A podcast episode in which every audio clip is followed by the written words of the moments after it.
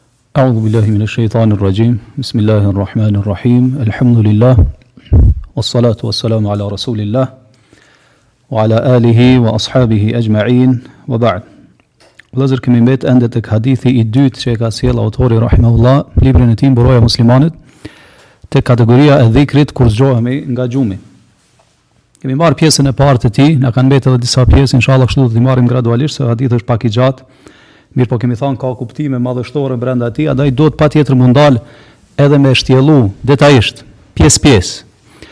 Pra hadithi vëllezër siç e morëm dersin e kalum është fjala e pejgamberit sallallahu alaihi wasallam ku thotë men ta'arre min al-lail. Kushdo që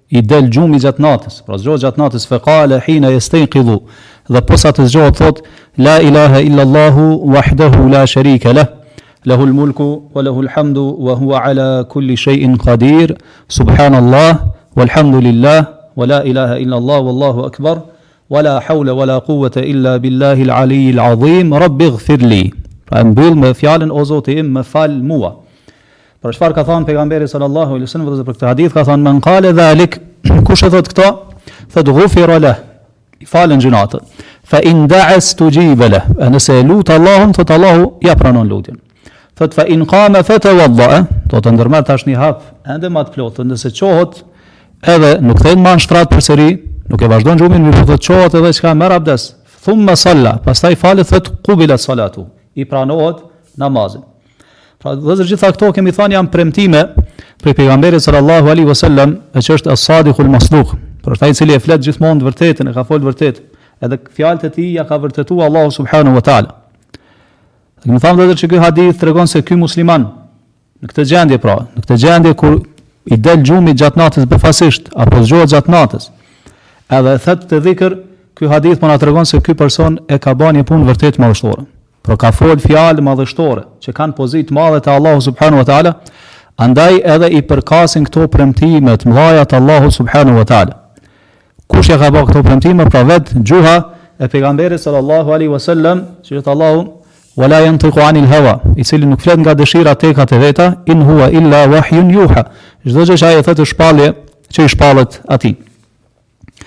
E po ashtu kemi përmend, vëllezër, se kur njeri e thotë këtë dhikër në atë gjendje, pra kur është ende në shtratë duke u rrotullu, duke, duke u mundu, duke me pas një farë lloj kacafytje me gjumin, tregon se kur është ky person zgju, domethënë dhikri, i esë në përgju, domethënë e ka gjuhën e njom, të lagun me përmendjen e Allahut subhanahu wa ta'la.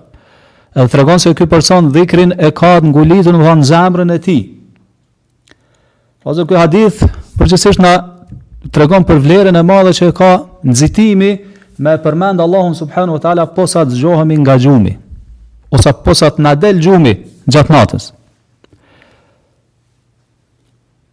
Pra gjëja e parë me cilën njeri vëllazër e lviz gjuhën e tij në atë moment të jetë përmendja e Allahut subhanahu wa taala, edhe jo çfarëdo lloj përmendje kemi thënë,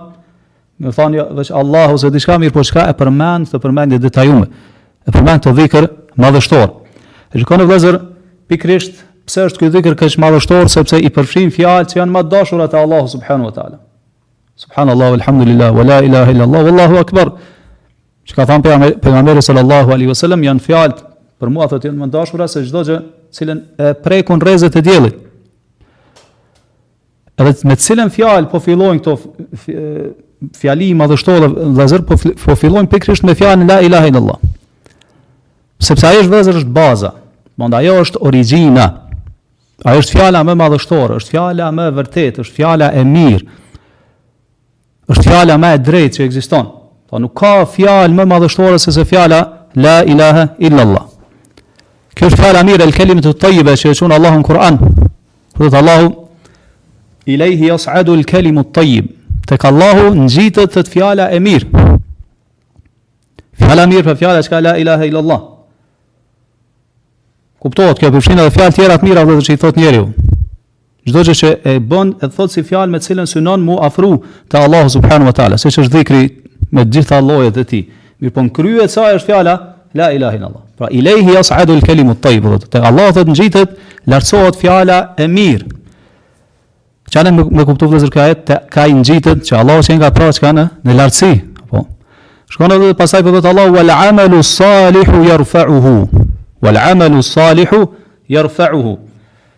Dhe vepra e mirë, nëse e përkthejmë këtu fjalë për fjalë dhe vepra e mirë thotë e ngrit atë fjalën e mirë. Kjo sipas një komentimi dietar.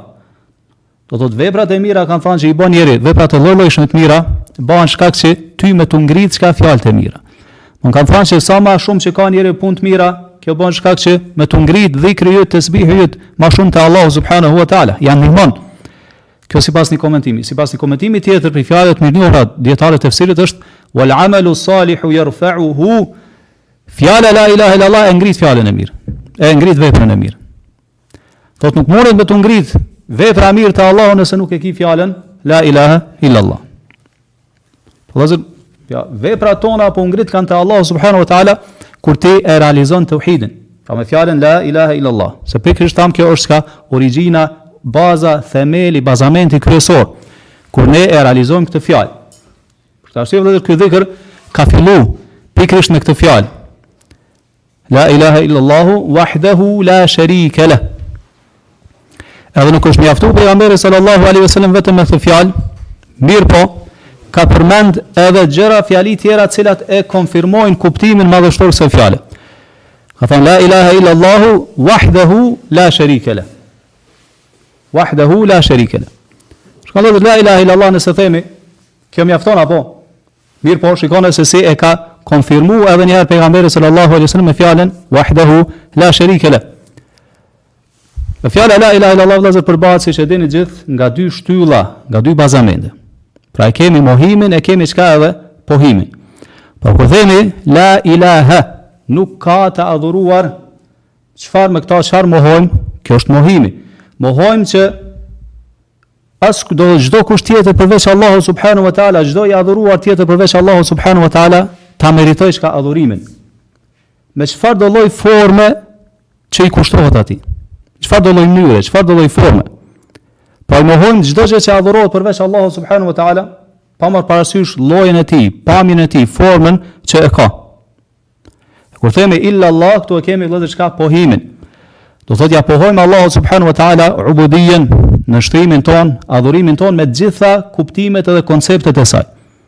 Kur themi wahdahu la sharika la, që është një Allahu edhe është i pashoq.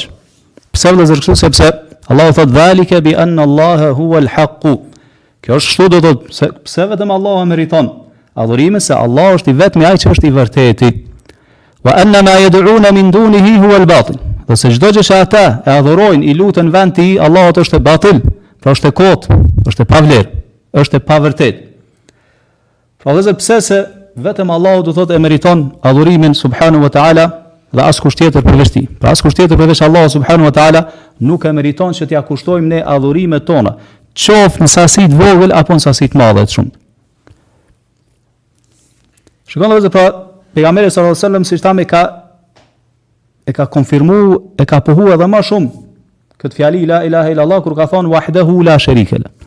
Pra siç thamë, është la ilaha ila Allah çka mjafton, mirëpo, la ilaha ila Allah e ka konfirmu me çka wahdehu, që është një, çka dhe i vetëm. Ndërsa la ilaha këta e pohon ende më shumë, e konfirmon çka la sherikele. i cili çka nuk ka shok dhe nuk ka ortak. Çfarë do të thotë vëllezër kjo la sherikele?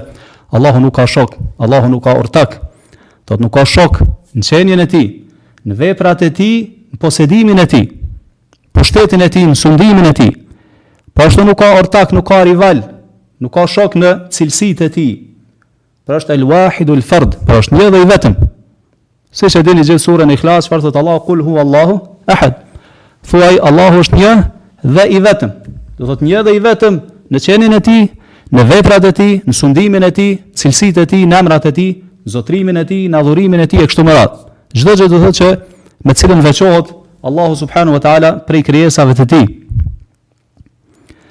Pra vëllezër thamë se pejgamberi sallallahu alaihi wasallam e ka fillu këtë dhikr pikrisht me këtë fjalë, pra me fjalën e tauhidit, la ilaha illa allah, se është fjala më e rëndësishme, është baza, është bazamenti.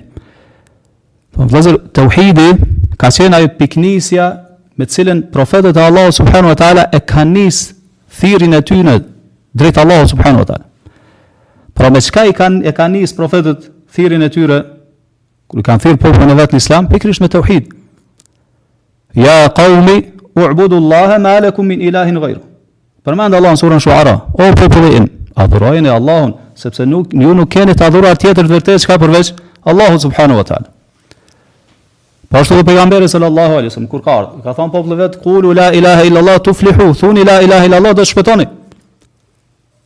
Pra vëllezër kjo ka qenë pra piknisja e davetit profetve. Pse se, do të thotë kjo është rruga e shpëtimit. Kjo është piknisja e veprave tjera. Do të thotë çdo vepër vëllezër çka e ndërtume mbi këtë fjalë, mbi fjalën, la ilah illallah. Kjo është themeli, është bazamenti mbi të cilën do të ndërtohen edhe konceptet tona. Pikpamjet tona. Botëkuptimet që duhet mi pas do të thotë muslimani. Se ne vëllezër e dim se njeriu, Pavarësisht do të thotë feve tjera që i përket apo ideologjive apo çfarë do të qoftë përveç islamit, në një farë mënyrë është i burgosur, i robrum i atyre çka botëkuptimeve koncepteve që ai ka. Çka është ajo që e çliron prej këtyre gjanave? Është pikërisht fjala la ilaha illallah. Do të thotë kur ti nënshtrohesh tërësisht me qenien tande kujna vetëm një, atij që është njëri dhe i vetëm pra, vetëm Allahut subhanahu wa taala. Dhe shikoni vëllezër nëse kjo fjalë, pra fjala e teuhidit, fjala la ilaha illa Allah, zë vend në zemrën e njerit, do të rrënjoset thellë në zemrën e njerit. Mirëpo, jo vetëm kaq, njeri pastaj çka e kupton, ashtu siç duhet këtë fjalë. E kupton do thotë se çfarë përfshin kjo fjalë prej udhëzimeve, prej kuptimeve madhështore. Çka është vëllezër rezultati dobia e kësaj? Thotë tash konceptet e tua për jetën, botëkuptimi që ti e ki për gjanat që të rrethon, idetë tua, pikëpamjet tua kanë me ndryshu. Edhe kanë me ndryshu për mirë. Po ashtu kanë me ndryshu çka veprat e tua. Kanë me ndryshu do të thotë njohuritë tua që i ki, dijet tua që i ki. Ka me t'u përmirësu çka jeta. Gjitha kjo do të thotë si rezultat se ti e ke kuptuar ashtu siç duhet fjalën la ilaha illallah. Shikoni vëllezër Kur'ani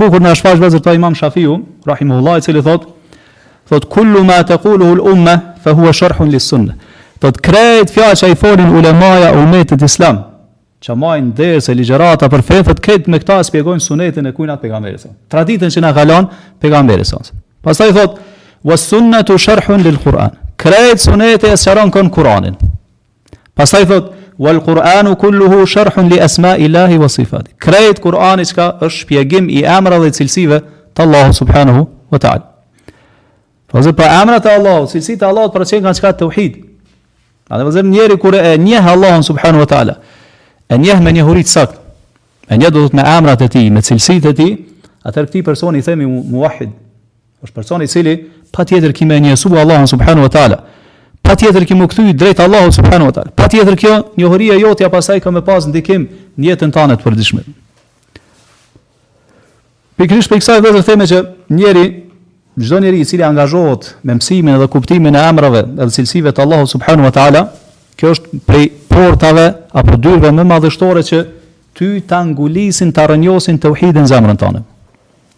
Se sa ma shumë që e njeh Allahun çka, ma shumë ki me e dashtë Allahun. Sa ma shumë që e njeh Allahun kur ti mëson domethënë emrat dhe cilësitë e tij. Sa ma shumë që e njeh Allahun, aq ma shumë ki me adhuru Allahun. Sa ma shumë që e njeh Allahun, aq ma shumë ki mu largu prej harameve që i ka ba Allahu subhanahu wa ta'ala. Po ashtu vëllezër këtë na e konfirmon edhe Ibn Kaimi rahimahullah kur thot se Kur'ani thot min awwalihi ila akhirih tauhid. Thot Kur'ani prej fillimit e deri në fund është tauhid. Flet do thotë për teuhidin, për drejtat e teuhidit, po ashtu flet për ithtarët e teuhidit, se çfarë i pret ata prej jetës së mirë shpirtërore në këtë botë, po ashtu jeta e mirë që i pret çka në ahiret kur dalin para Allahut subhanahu wa taala. Po ashtu flet për të kundërtën e teuhidit, që është shirku, edhe kufri. Flet pastaj për ithtarët e kufrit dhe shirkut, dhe se çfarë i pret ata, Allahu na rujt, do të thotë prej të këqijave e dënimeve këtë botë po ashtu edhe në botën tjetër. Shikoni vëllezër një shembull thjesht sa me ilustru e marrim surën El-Fatiha, që është surja e parë me cilën hapet Kurani. Kjo sure vëllezër, cilën ne e lexojmë 17 herë, më së pakti do të thotë sa janë numri rekateve farz brenda ditës, që e kemi obligim çdo rekat, prej fillimi deri në fund është teuhid.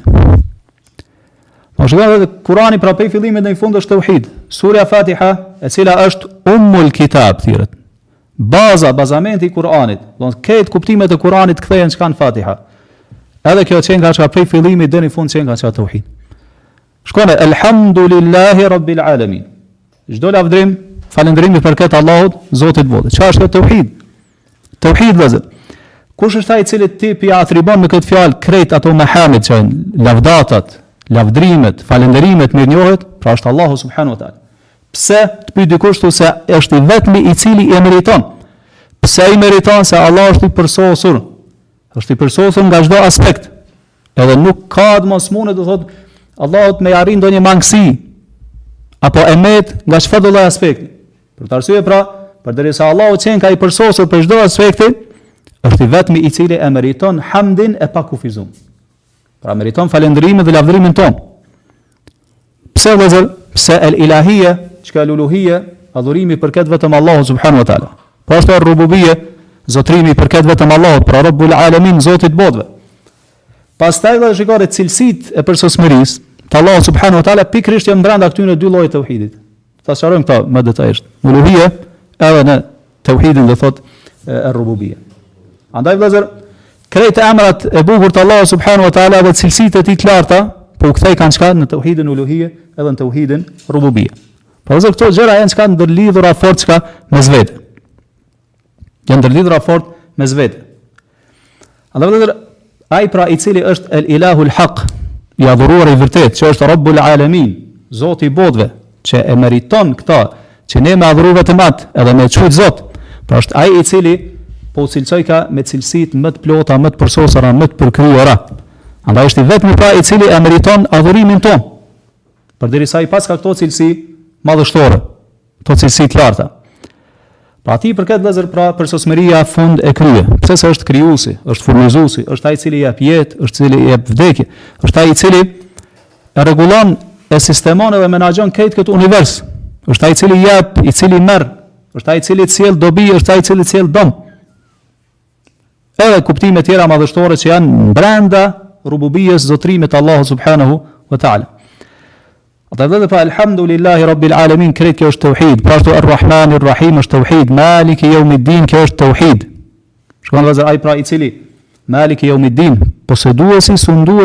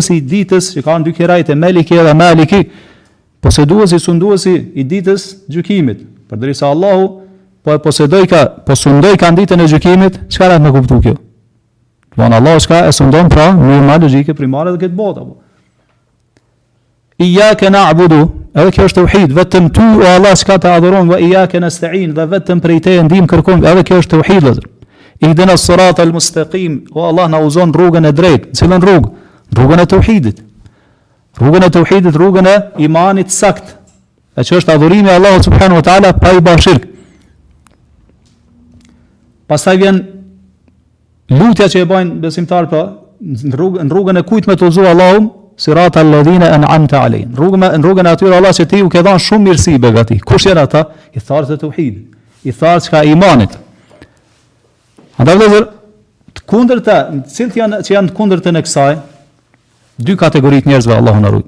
Kundërta e atyre që Allahu i ka të mira. Jan ata cilët e dinë të vërtetën, mirëpo çka nuk veprojnë sipas saj.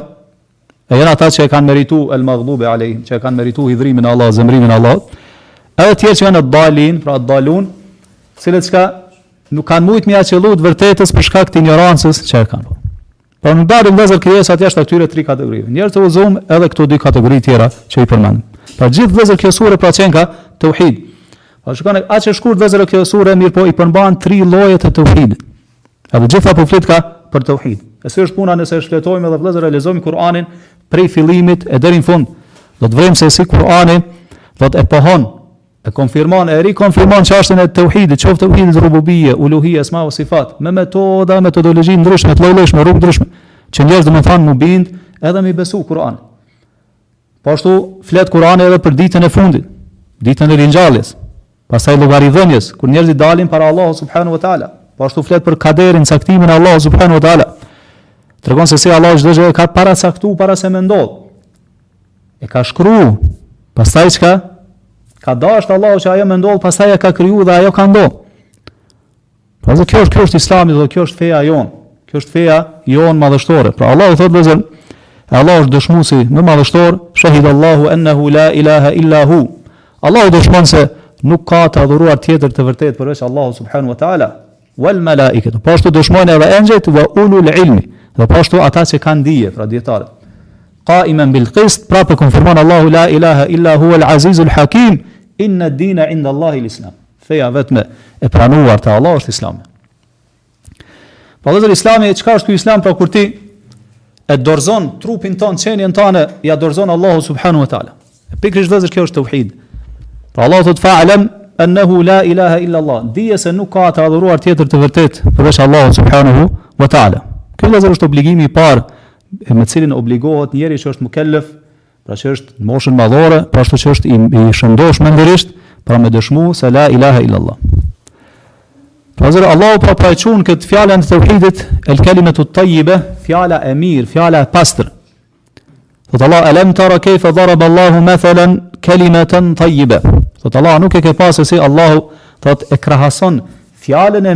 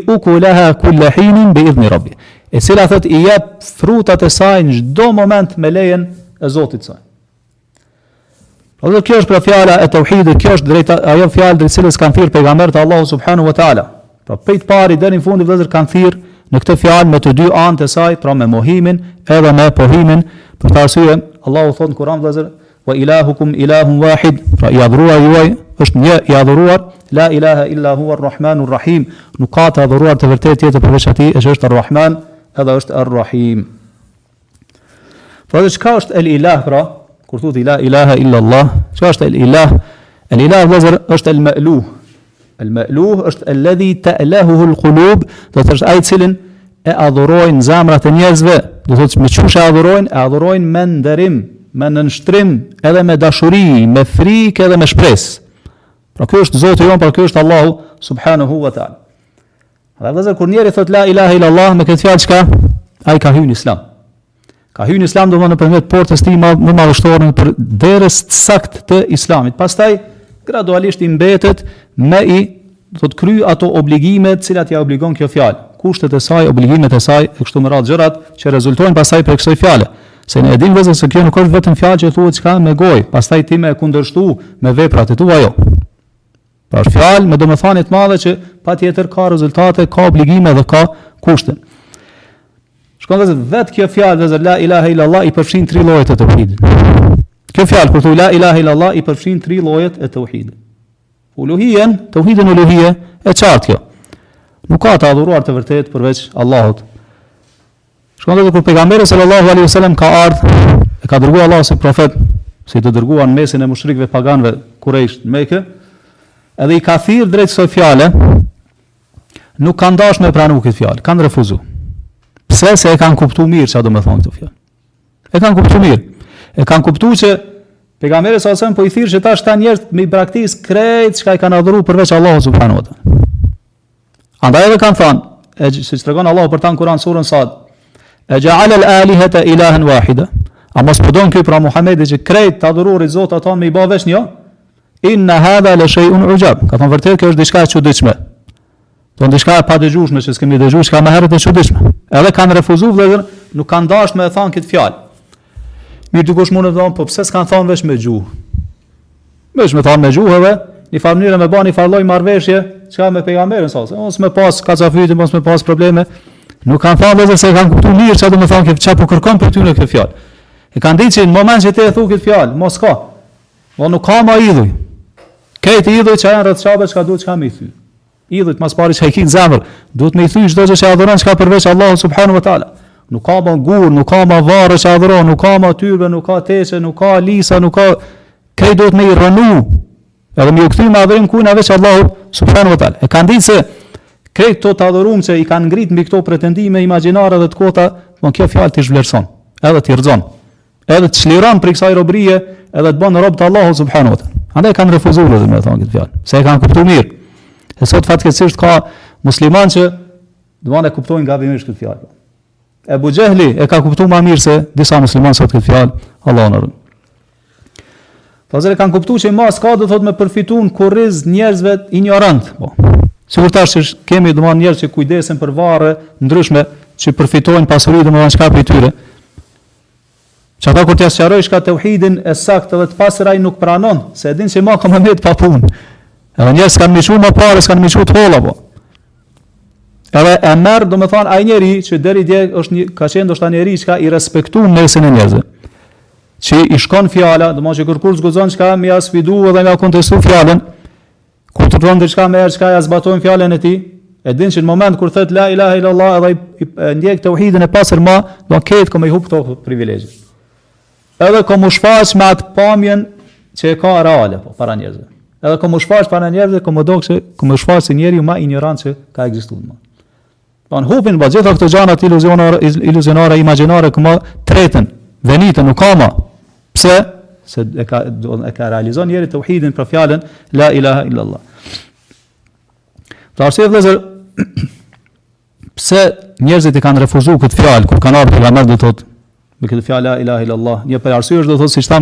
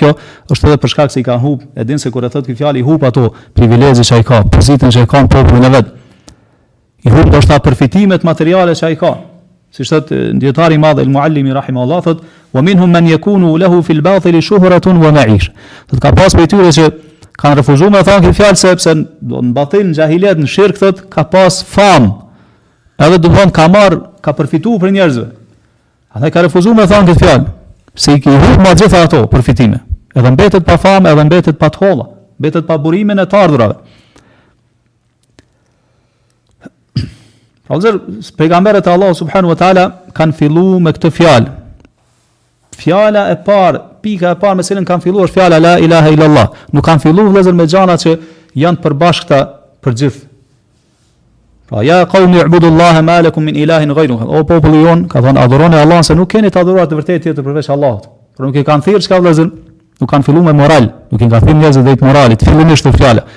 Nuk kanë fillu çka me i thirr njerëzit, m'u tregu për shembull të butë, me i mbajt lidhjet farefisnore, me jep njerëzve ushqim, m'u tregu të mëshirshëm e të butë, ndaj njerëzve, ndaj kafshëve, çështje të kësaj natyre, pse se, a kishin fillu vëllezër profetët e Allahut me këtë thirrje, a kish pas kundërshtime mes tyre dhe popujve të tyre?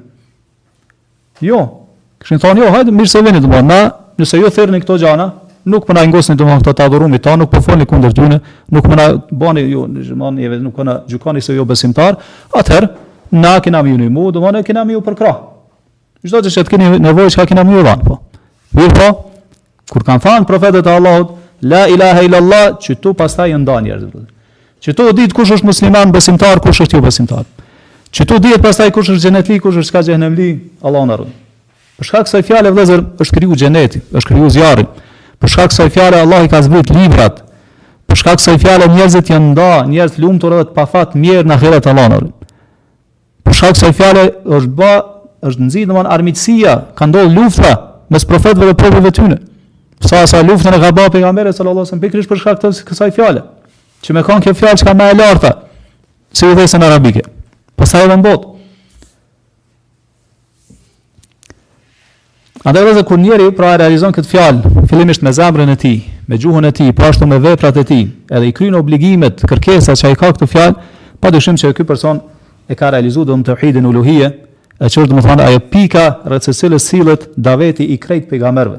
Pra është ai themeli, baza mbi cilën ngritet çdo vepër.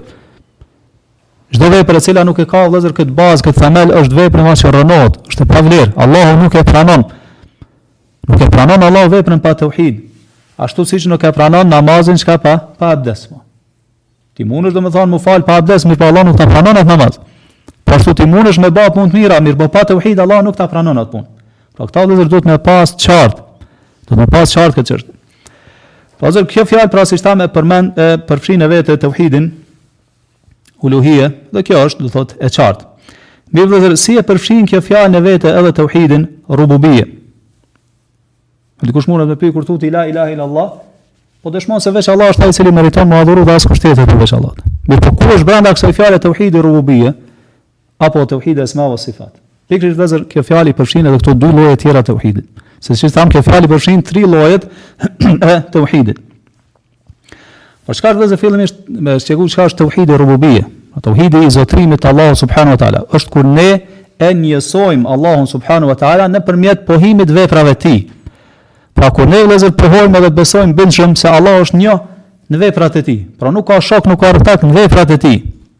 E veprat e Allahut janë të shumta.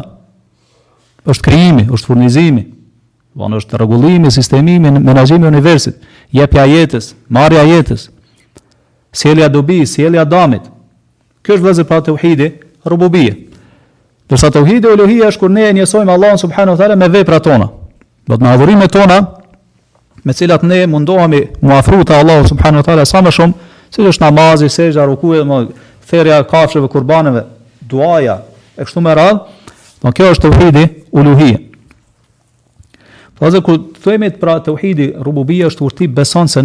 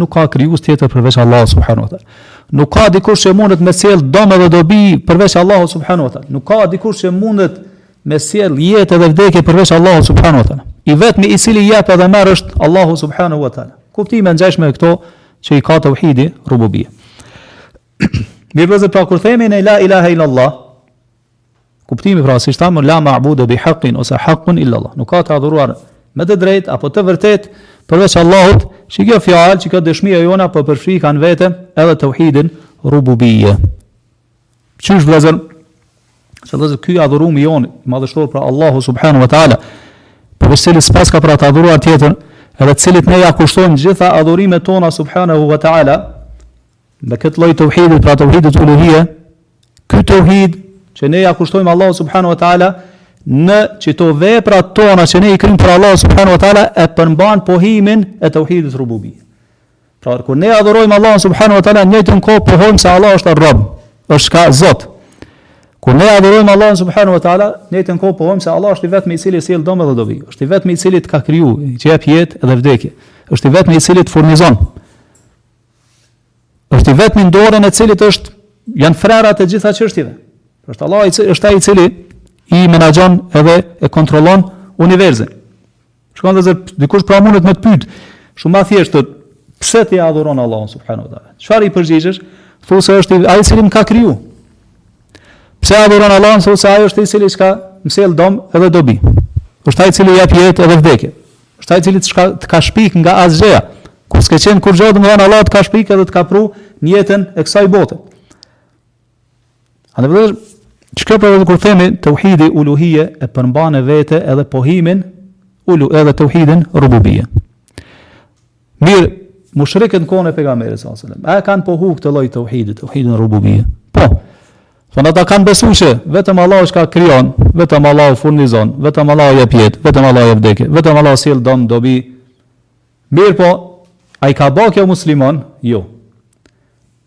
Kanë fal namaz, kanë kry haxh edhe umre, kanë jep sadaka, mirëpo prapë nuk janë kan musliman me këto.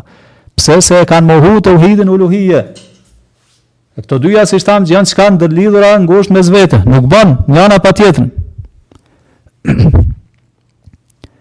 Po vëllezër kanë mohu po ashtu edhe ringjalljen, që kanë mohu, ka me i kthy Allah edhe një herë një domon në jetë edhe kanë me ban llogari, pra kanë mohu këta.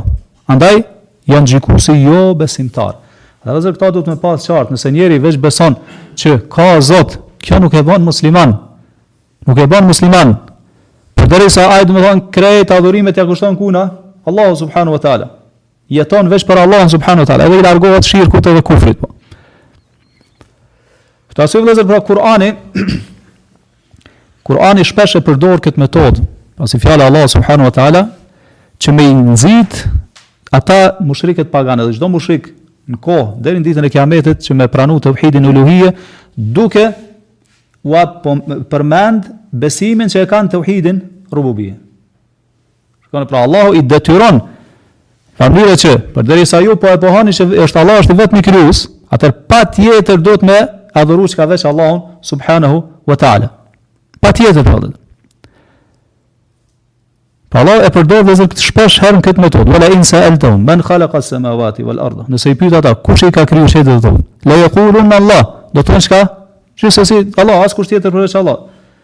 Kush është ai i cili jep domon e nxjerr gjallën nga vdekra, vdekrën nga gjalli, kush është ai domon që ju furnizon nga qielli dhe toka, krejt kanë thënë Allahu. Po.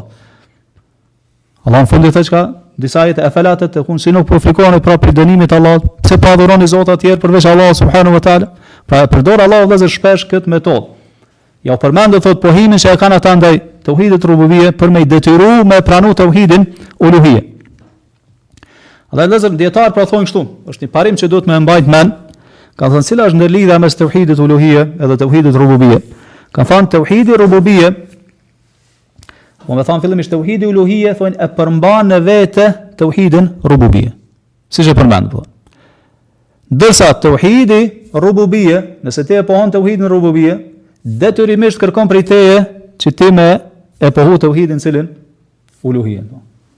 Patjetër, po. Këto janë të ndërlidhura ngushtë njëra me tjetrën.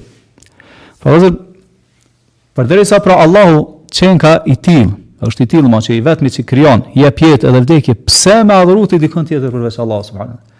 Përderisa Allah është ai i cili t'i ka jep krejt të mirat, të ka shpik, të ka prun në jetën e kësaj bote, pse njeri shkon e adhuron dikon tjetër përveç Allahut subhanahu. Vërtet është diçka shumë e çuditshme.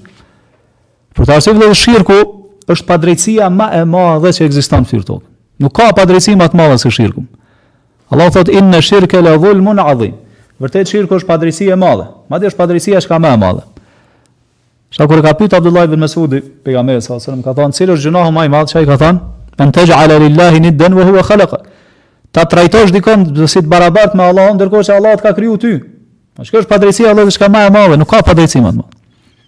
Kur ti do thot adhurimet e tua, falënderimin ton që duhet me ia kushtu Allahut subhanahu wa taala shkon ja jep dikujna tjetër. Ja kushton dikujna tjetër i cili as nuk ka të kriju, as nuk ta ka jep jetën do thot. As nuk ka jep të mirë as kurrë. Shkon e adhuron çka, një guri, një dru, apo çfarë të qoftë, edhe person do thot qoftë gjallë, apo qoftë vdekun. Shkon vëllezër me, edhe kjo në jetën e përditshme, nëse ti dikujt i bon mirë ton jetën, edhe ai nuk të falendron ty, po shkon e falendron çka dikon tjetër. A të kish ardh mirë kjo? Jo. E si është çështja çka me Allahun subhanahu wa taala, kur çdo e mirë çdo begati është prej tij subhanahu wa taala.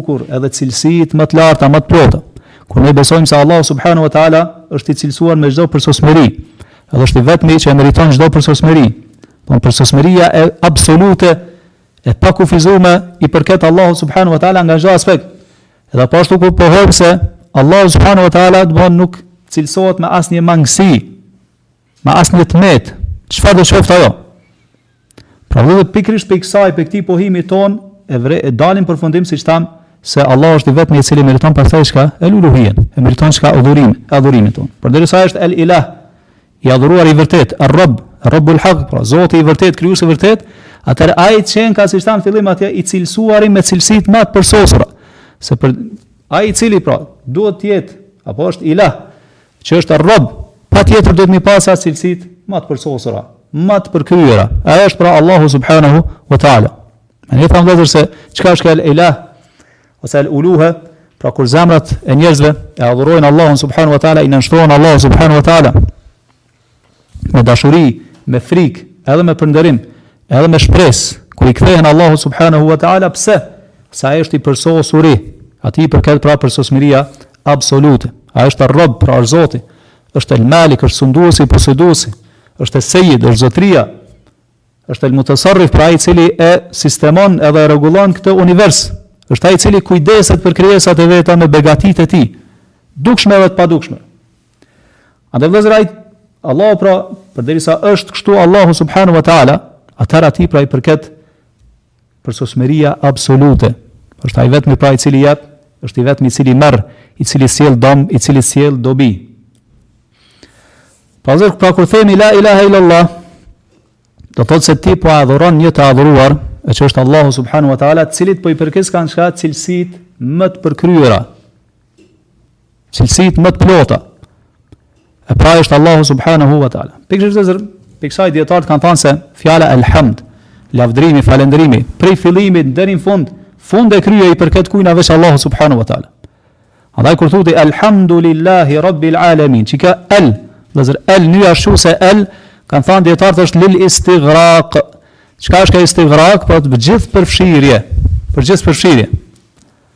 Thonë elhamdu do thotë çdo lavdrim pa asnjë përjashtim. I përket kujna, atij i cili e meriton do thotë, i cili është i përkryer nga çdo aspekt. Që i përket domthon ajo përsosmëria absolute, e që është Allahu subhanahu wa taala. Shkon dhe pa, kur themi pra la ilahe illallah, në njëjtën kohë po i pohojmë tri llojet e teuhidit.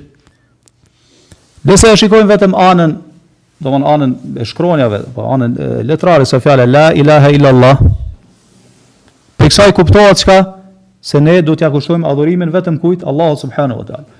Mirëpo siç thamë, në anën kuptimore, po e përfshika tauhidin rububije edhe tauhidin çka? El esma was sifat.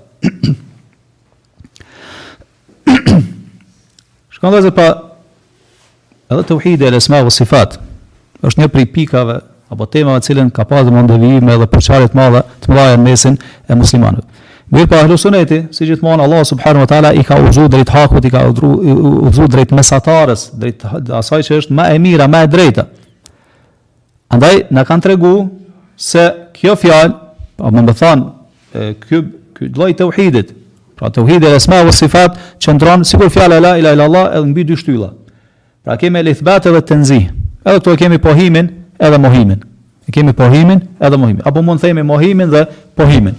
Do thotë kur ti pohon se çdo cilësi e plotë i përket Allahut subhanahu wa taala. Kur ti beson bindshëm se çdo emër i bukur i përket Allahut subhanahu wa taala. Edhe ja pohon Allahut. Pse ja pohon vëllezër Allahut? Se Allahu ja ka pohu ato vetes.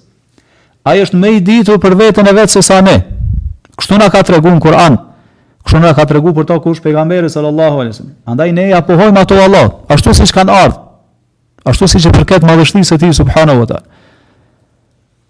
Po ja pohojmë Allahut çdo emër cilësi që ja ka pohu pejgamberi sallallahu alaihi wasallam. Pse se është krijesa më e ditur për Allahun subhanahu wa taala.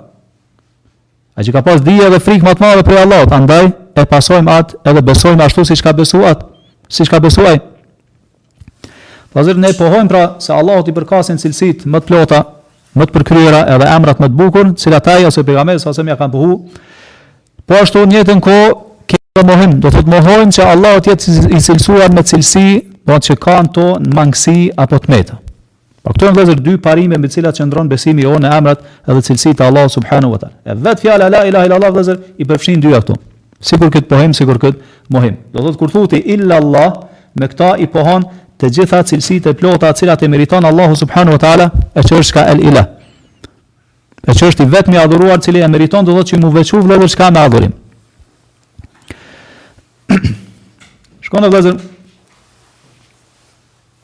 Cilësia apo baza e dytë, thamë është çka ti me mohu, ose me, me thanë kështu, ma thjesht me pastru, me lartësu Allah subhanu wa ta'ala nga të metat edhe mangësit. E cila është mangësia ma e madhe vllezër me të cilën njeri mundet me e cilësu Allah subhanu wa ta'ala. Cila është mangësia ma ma dhe? Që dikush mundet me ta me ofendu Allahun subhanu wa ta'ala. Kur njeri pretendon se Allahu ka ortak. Po ashtu vëllezër si, me thanë, lartësimi ma i madh që ti mundesh me ia bë Allahut është teuhidi. Në njëjtën kohë domethanë mangësia, fyerja ma e madhe që ti mundesh me ia bë Allahut është kur ti pretendon ose beson se Allahu ka ortak. Se kjo bjen ndesh me përsosmërinë e Allahut subhanahu wa teala.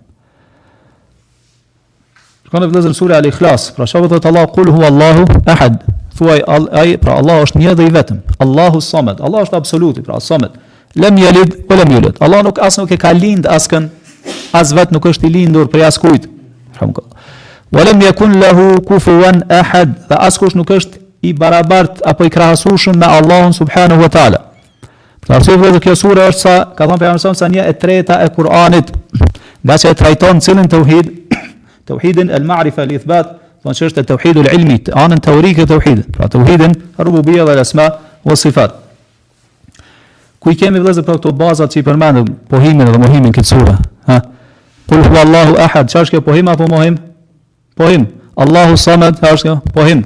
Pastaj vjen çka mohimi, lem yalid wa lem yulad. Domethanë mohohen mangësit, fillimisht pohohet përsosmëria e Allahut, pastaj çka po pohohen, po mohohen çka mangësit, edhe të metat nga Allahu subhanahu wa taala. Ju dhe pastaj këtë hadith madhështor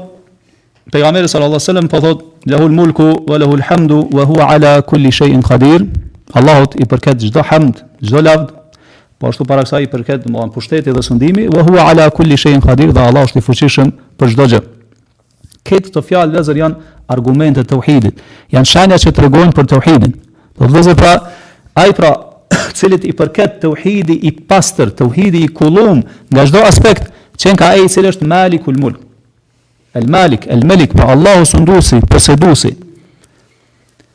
Shikoni se si është konstrukti i fjalës në arabisht, Allahu nuk po thët El Mulku Lehu, pushteti i takon atij, mirëpo po thët atij i takon pushteti, Lehu El Mulku.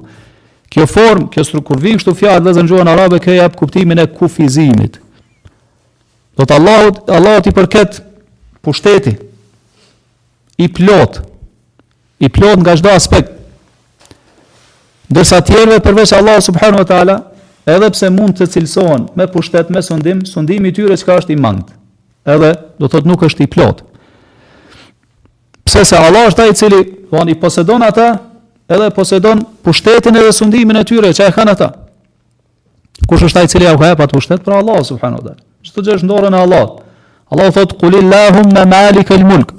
Thuaj o Allah, poseduesi i çdo pushteti sundimi. Tu ti al mulk man tasha, ti je ai i cili ja jep sundimin dhe pushtetin kujt don ti vet. Wa tanzi'u al mulk mimman tasha. Ti je ai i cili e heq sundimin, pushtetin nga këdo që ti do vet. Wa tu'izzu man tasha. Ti je ai i cili e fuqizon e bën krenar këdo që don ti, wa tudhillu man tasha. Edhe të kundërtën. Je ai i cili e poshtron e nënçmon këdo që don ti. Bi yadika al-khair. Në dorën tënde është çdo mirësi, innaka ala kulli shay'in qadir. Ti je i fuqishëm, do me bë çdo gjë, Ajeti në surën Ali Imran, ajeti 26.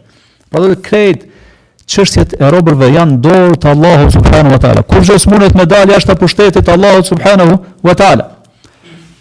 Pse vëllazër personi i cili sado që ka pushtet në jetën e kësaj bote, ka sundim prapëseprapë sundimi i tij është i mangët. Pse sundimit të tij i ka parapri çka mosekzistenca. Po ashtu, çka vjen mas sundimit tij, po ashtu vjen çka ka me u zhduk ai sundim mas një kohe. Po, nuk ka me ekzistu, ka me u fshi prej faqes dheut. Po ashtu, ai ka nevojë për ndihmës, për atë pushtet, që dikush me ia majt atë pushtet. Kurse Allahu është çka el haju el kajum, është i gjalli, domethënë, i përjetshmi, që i takon jeta e përsosur, jeta e plotë, është el kajum, ai i cili qëndron vetvetiu, nuk ka nevojë për askon, Përkundrazi çka kujdeset për krijesat e veta. Kujdeset i furnizon, kujdeset për jetën e tyre, për veprat e tyre, për rrizkun e tyre. Domethënë në pushtetin e tij nuk ka nevojë për askon. Nuk e pyet askon, nuk i referohet askujt. Nuk e vet dikon a me ba këtë punë çka a mos me ba.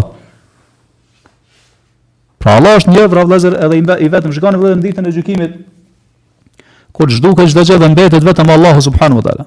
Tregon pejgamberi sa thot Allahu thret an al malik. Un jam thot mbreti. Thot ayna mulukul ard. Ku janë mbretërit e tokës tash?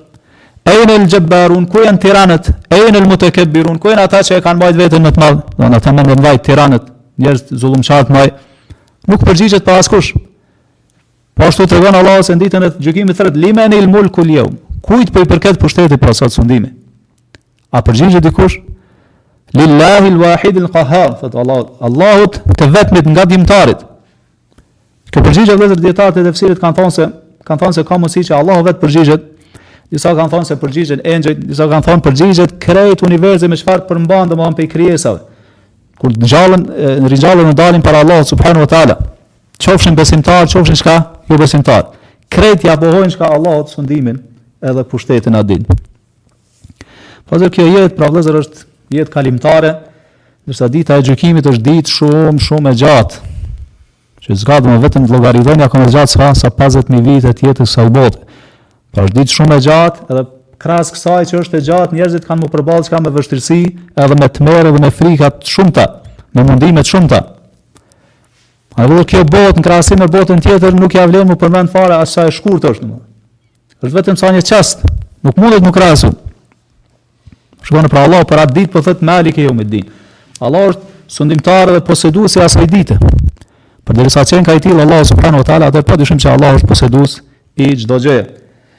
Pra Allah është vëllazër ai i cili e ka kontrollin absolut dhe am nuk konsultohet me askënd, nuk ka shok, nuk ka ortak, nuk ka nevojë për askënd. Vetë i merr vendimet edhe gjykimet e veta. Pra atij i përket dija, vullneti dhe dëshira fuqia absolute. Përderisa vëllezër është kështu që është ja, shikone se si pejgamberi sallallahu alaihi wasallam e ka ngulit, i ka ngulit këto kuptime madhështore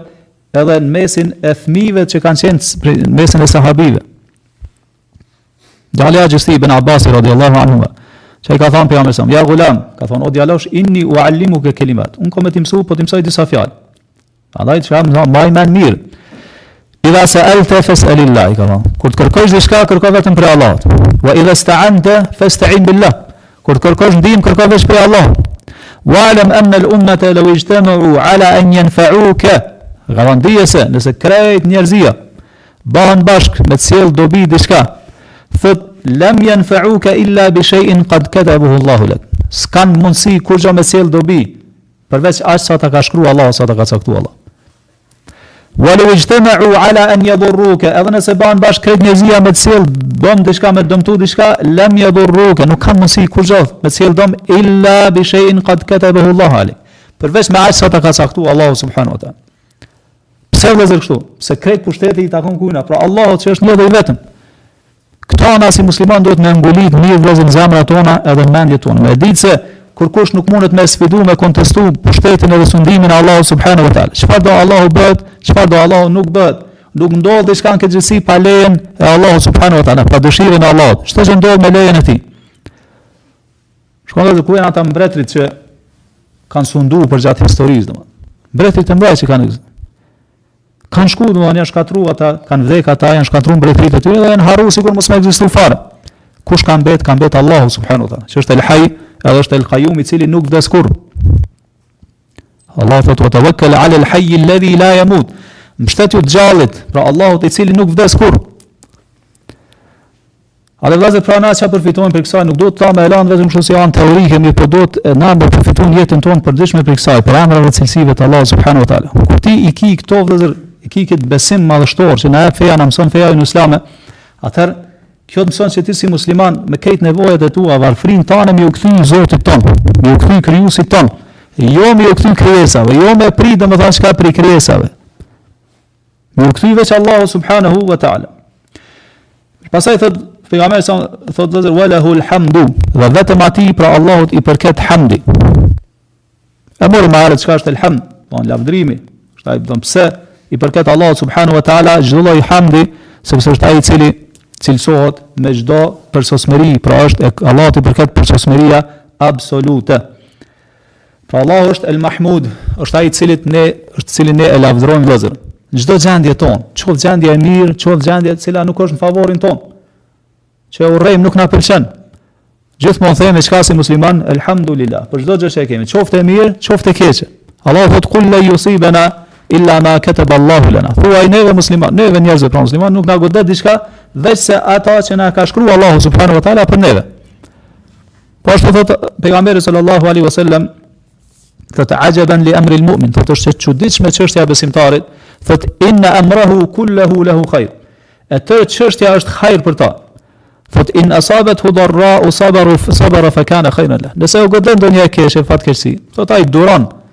Edhe kjo është e mirë për to. Duron domethënë shpreson shpërblimin e Allahut, shpreson se me këtë sprovë Allahu me ia fal gjunat. Kjo është hajër për to.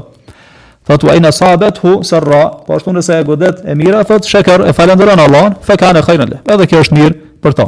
Besimtari vëllezër jeton mes këtyne dyjave, edhe kjo është e mirë për to. Kjo jetë asht shenjë e mirë pra për muslimanin, nëse din se si me e jetu ashtu si duhet. Pra vllazër, kuptimi i emrave dhe cilësive të Allahu subhanu wa ta'ala, urtësia e Allahu subhanu wa ta'ala, shfaqet pikërisht në gjëra që Allahu i cakton në këtë univers. Edhe pse mendjet e njerëzve nganjëherë çka munden, ndoshta i duken disa gjëra si të palogjikshme ose të pakuptimta, për shkak se mendja e njerit çka është e kufizuar Ka një rast i për cilin ndoshta e keni dëgjuar, baba e ka pru djalin te Ibn Abasi, radiallahu anhuma, dhe ka, i ka thanë se kanë fillu me hi disa dyshime, domethanë, lidhur me urtësinë e Allahut, caktimin e Allahut, kaderin e Allahut, po ban shumë pyetje në njëfarë mënyre, sigurt, asht ndiku prej këtyre llojeve si filozofia, i ka thanë Ibn Abasi, ka thanë, o djali i vllait tim, kështu është, u kanë si thirrje që ja kanë bënë. Ka thanë, a po e sheh qat malin atje, ka thanë, po, Ka thonë, a, a po sheh çka ka mrapa qatij malit? Ka thonë, jo, pse ka thonë se syni s'munet, domethonë me pa. Ka thonë kështu është edhe mendja e njerit. Thon, Allahu ta ka jep mendjen mirë, po mendja ka kufi. Nuk mundesh ti me mendjen tane me ditë qka gjithë qka. Thonë, Allah ta ka krijue mendjen. Mirëpo çka mendjes i ka vendosë Allahu kufi, andaj duhet me ditë njeri ku m'u nalë te ata kufij. Me ditë se mendja e njerit është e kufizume. Janë disa gjana që nganjëherë ti duhet me ju dorëzu Allahut subhanehu ve teala, edhe nëse nuk e kupton urtësinë. Mirëpo ti beson se aty ka urtësi, sepse Allahu nuk vepron kurrë pa urtësi. Edhe pa urtësi të thellë nuk vepron kurrë Allahu subhanehu ve teala.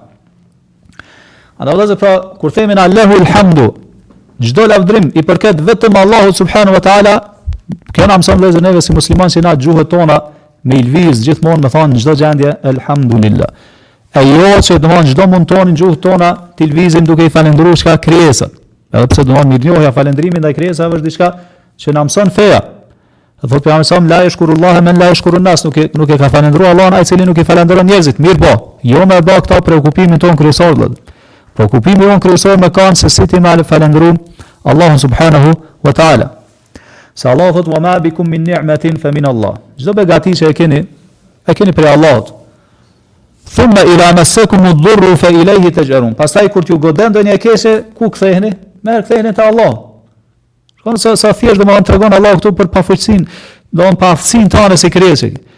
Çdo gjë që e ke e ke prej Allahut.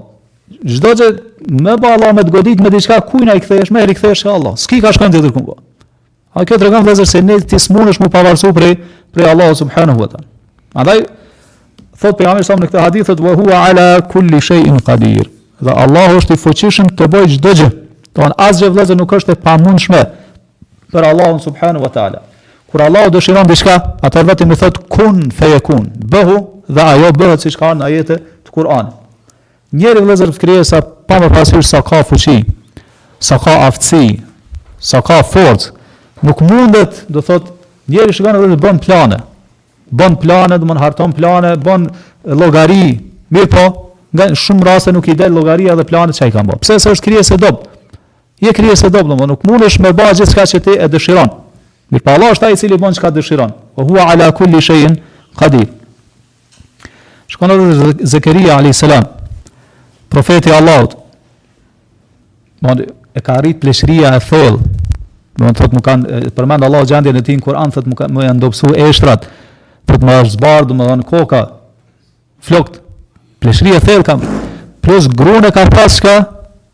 Edhe ajo ka qenë plakë plus ka qenë çka shterp dmth s'ka mujt me lin fëmijë. E ka lutë Allahun, Allahu iu ka përgjigj lutjes. Edhe ka lin. Mrekulli dmth kjo është jashtë çdo ligji dmth që ekziston ose që sipas mjekësisë sot është diçka e pamundshme. Mirëpo, Allahu vetë i ka vendos ligjet, vetë i then ato ligje po. Po ashtu ngjarja se si Allahu ka kriju Ademin alayhis salam, po ashtu si e ka kriju Hawan, po ashtu si ka kriju Isa alayhis salam. Gjithë këto tregojnë vetë për fuqinë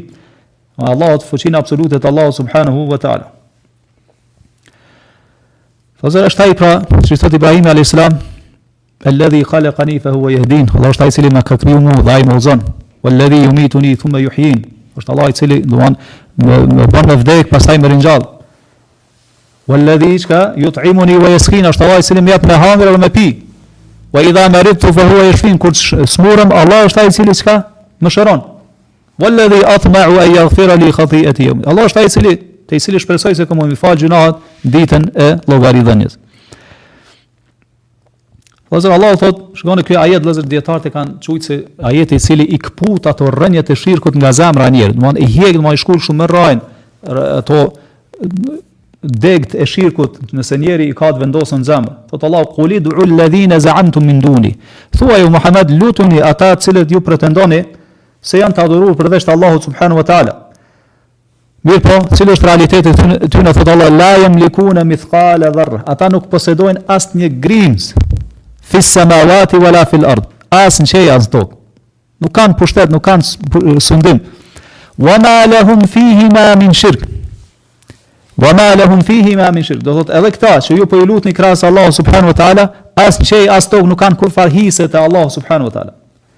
Wa ma lahu minhum min dhahir. Pra Allahu po ashtu nuk ka asnjë ndihmtar nga nga radhët e tyre. Ky ajet vllezër, nëse ndalemi e mendojmë si thonë dijetarët dmth i, i hjek ato rrajt e shirkut që janë vendosur në zemrat e njerëzve. Po ndalemi këtu vëllezër mjaft. Ka hala vëllezër na ka mbet me fol rreth hadithit se është vërtet hadith madhështor, mirëpo po e lajm për dersin e radhës e ne lusim Allahun subhanahu wa taala